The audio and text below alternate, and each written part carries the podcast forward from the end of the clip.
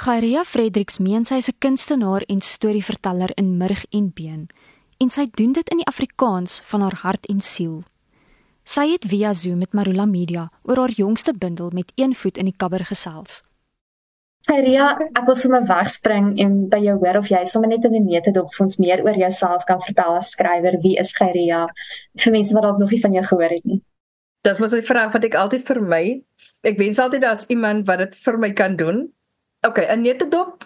Ek is 'n kunstenaar. Ek sien myself as 'n kunstenaar in literatuur. Is daar vele genres wat ek in dobbel, sal 'n mens maar sê maar ook uh het ek al visual kuns gedoen, pottery, ek doen puppetry, maak en produce van dit en so aan. So ek dink alles wat met kuns te doen het, met die creative proses, dis iets wat ek aangryp en as iets wat ek beoefen.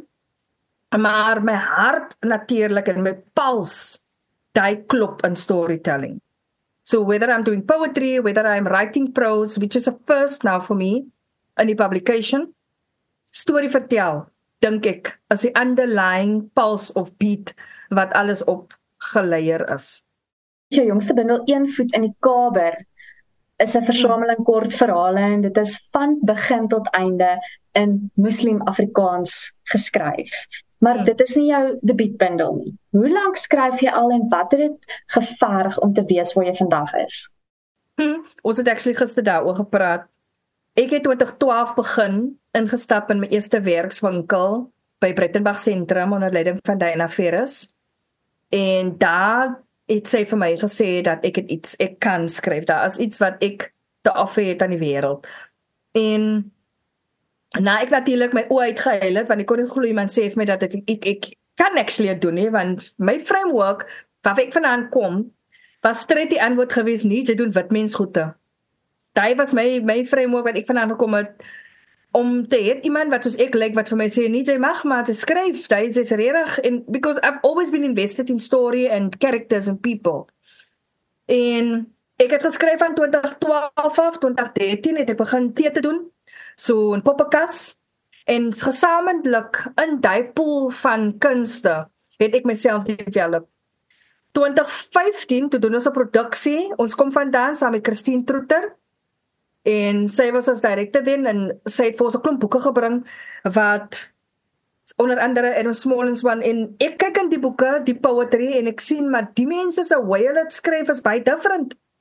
As jy soos die gewone poetry boeke wat ek al opgetel het of literatuur ek het baie uh, gelees toe ek baie klein was en jong mense en so 'n tiener en so en ek het van lees gehou my maat was baie exposed aan boeke en so aan en ek het nog nooit in my lewe so iets gesien nie en ek begin te try om die goed te lees. Onthou dis eintlik maar 'n vernacular wat suppose is om in my te lewe.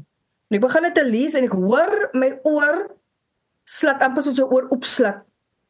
En ek hoor hoe klink die woorde wat ek hierso sê, woorde, nie woorde nie. En sulke goed.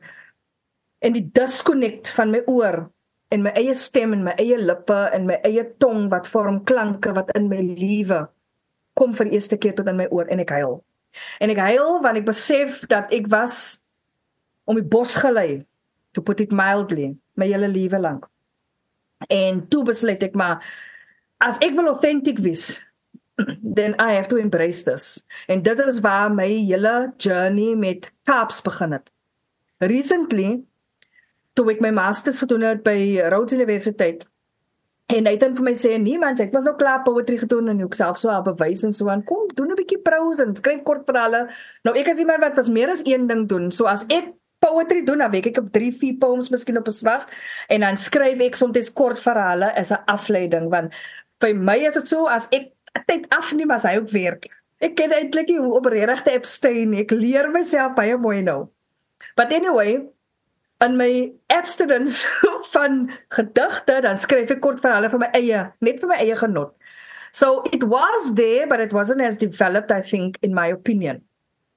En toe begin ek te skryf kort verhale en daai is basically die journey wat ek gehad het en toe ek my kort verhale doen in my masters in to for some reason wikkela los kyk moslim vernacular woorde En ek dink nie man my dis taal wat ek ken, die vat my terug na my ouma en my oupa en it's it's a wonderful time in my lewe. En ek begin te skryf stories oor die karakters wat ek al my hele lewe lank vandat ek kan onthou in my sakpak. En die experiences en stories wat ek gehoor het word vertel van die gemeenskap. En ek begin te tyd te, uh, skryf. Maar dit kom ook met 'n familiarity van taal wat weggebeere lê in my en dis ek Muslim vernacular. En ek begin te praat ek moet sê wanneer ek met die mense rondom my because nou maak ek vir hulle weer los en nuwe woorde wat hulle vir my teruggee laat ek onthou om my om mamma dit gesê, pappa dit gesê, boetie dit gesê, right ever. En daai taal se loswikkeling en hy reacquaintedness met die taal wat in my lê. Daai het eintlik die stories voortgebring en daai het ook dan die language weer in my losgewakker. En daai is basically hoe ek tot hier gekom het. En waarom is dit vir jou belangrik om 'n stem aan die variëteit of aan Muslim Afrikaans te gee en te aan, in aan te hou om daarin te skryf en te publiseer in die variëteit? First of all, as ek nou vir jou moet vra hoeveel boeke het jy al gelees met die vernacular, dan gaan jy my nie kan antwoord nie. Want dit is feitelik niks. is dit een? is dit ek en my? Dit is jou boek. Ja. Punt nommer 1, daai is hoekom vir my was dit 'n sadness dat my ouma en my oupa almal die weg is en soveel ander mense. En die stories en die characters en die community hulle is completely gone maar daar is niks opgeteken van hulle nie. En die was 'n slim mense wat hulle was geskool deur die lewe. Hulle was nie geskool deur universities en hulle was nie akademikuste nie maar hulle het goed geweet by just knowing it. Is asof hulle gebore was met 'n teach op hulle skouertjie wat so tik in hulle nek en in in hulle oorfluister. My oupa was 'n was was 'n mastermind geweest, 'n mastermind. Daai man het opwin vliegtuigies gemaak wat kon vlieg met 'n elastic band en whatever hy man hy kon goed uit mekaar het al in, mekaar sit. They just knew stuff. My ander oom was 'n tuiler geweest. Hy het dit geleer by sy pa en sy pa by sy pa. I mean say amazing klere gemaak almal het so they had so much skill but niemand het vir hulle hy spysig om te sê nee hulle was kwaai nie man. Hulle was regtig kwaai en hulle het iets gehad because die framework wat hulle vanaand kom was it they actually had nothing. But they had so much because it was nie vir hulle geleer nie. It was even oorgegee van die een hand na die ander hand die een toolkassie na die ander toolkassie of dit was gewys dat hulle was net naturally so gedeveloped omdat dit van generation na generation oorgegee het, het dit in hulle blueprints gekom en in hulle are gevloei. So hoe is dit moontlik dat nêrens is die mense opgeteken nie? So vir my was dit omdat my grootouers deel was van hy mense en hulle die absolute skills gewees het, was belangrik dat opgeteken word. Plus, hoe kan ek authentic wees en sê ek is Geyra Fredericks? Ek is 'n skrywer van die Kaapse vernacular. Ek is 'n skrywer van die Cape Muslim community if none of my work can say that none of it so toe ek het uitfigure en ek het vind en dit dawn op my dat hy is ook iets wat in my lewe there was no other way but to write in it ek sou onreg aan myself my mense en die authenticity van wie ek is as 'n skrywer ge, ge, gepleeg het as ek hierheen geskryf het Maar jy moes seker verskriklik trots gewees het die eerste dag toe jy een van hierdie eksemplare in jou hand vashou. Vertel my 'n bietjie oor daai oomblik. Ja, as die video kom 'n wys. ja, ek het om die waarheid te sê, die moment was so groot dat die emotion was eintlik fair because ek kon nie alles op een slag experience want dit sou te veel gewees het. Dit sou te veel gewees het. Ek uh, het um die boek gesien. Kyk, ek het die cover mos nou vooruit gesien. So by daai tyd eintlik om die waarheid te sê voor hy boekie in my hand was. Daai was net 'n ekstra. Maar toe ek die cover sien van die boek en ek sien daai kunstenaar, ek weet nie waar as ek op hy luister die na was 'n absolute genius, 'n absolute genius. Om te kan wat ek met hom gepraat het en die images wat ek hom gegee het te vat en te kry die drie karakters in my boek wat amper op 'n haar soos my karakters in my boek is. To create that en om die moed te kry van dit. Hy was 'n absolute absolute wonder. Maar om die boek in my hand te gehad was 'n uh, was 'n feeling van you know you've accomplished something you've done something you have done justice to die literêre wêreld het asof jy dan die mense en alles wat jy opgebou het van die eerste keer wat jy besef het dat jy kan iets skryf this is it die is die gewaarwording die is die moment waar alles daai te same in een produk gesit word en sê hierso die is wat ek my purpose is gekompleet. Hierso is dit daar lê. Maar as jy nou so 'n bietjie terugkyk oor die afgelope paar jaar, nê?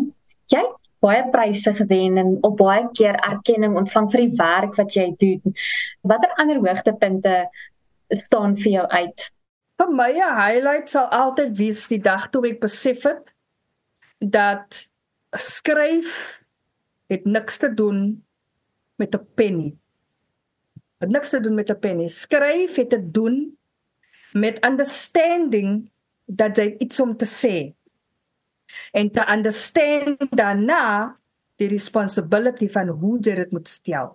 En die journey wat jy constantly moet aangaan om uit te figure wat is die mees respekvolste, die mees loyalste aan jouself en aan jou audience en daai kommunikasie en daai relationship wat jy met hulle moet vorm to see that as the most important thing not hoeveel boeke jy op die rak sit en vir wie jy werk en vir wie jy ken en god knows what ever else daarby kom but to under really really understand hierdie kuns hierdie talent wat jy geontvang het because you got it for free you didn't pay for it om die nodige responsibility en care te hê om te weet wat om want te maak. So dat it becomes a tool a utility for everyone and by daai gestel dat none of what you know and none of what you learn is yours.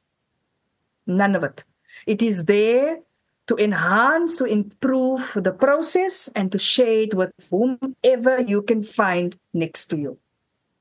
Daai daai is my hoogtepunt every single time. As ek 'n nuwe projek doen as ek 'n nuwe person meet it is my highlight every single time wil jy dalk sommer net vinnig vir ons iets sê oor die titel wat dit beteken wat betekenis vir jou het en dan as ek weet dit is altyd onregverdig vra maar as jy dalk miskien een of twee van die kort verhale vir my kan uitsonder wat vir jou spesiaal is dan ek dit baie waardeer Ja, dit gaan die laaste een is 'n moeilike een, maar okay, ek het nog tyd om te raad te kom. Ons begin met wat jy begin het met die titel.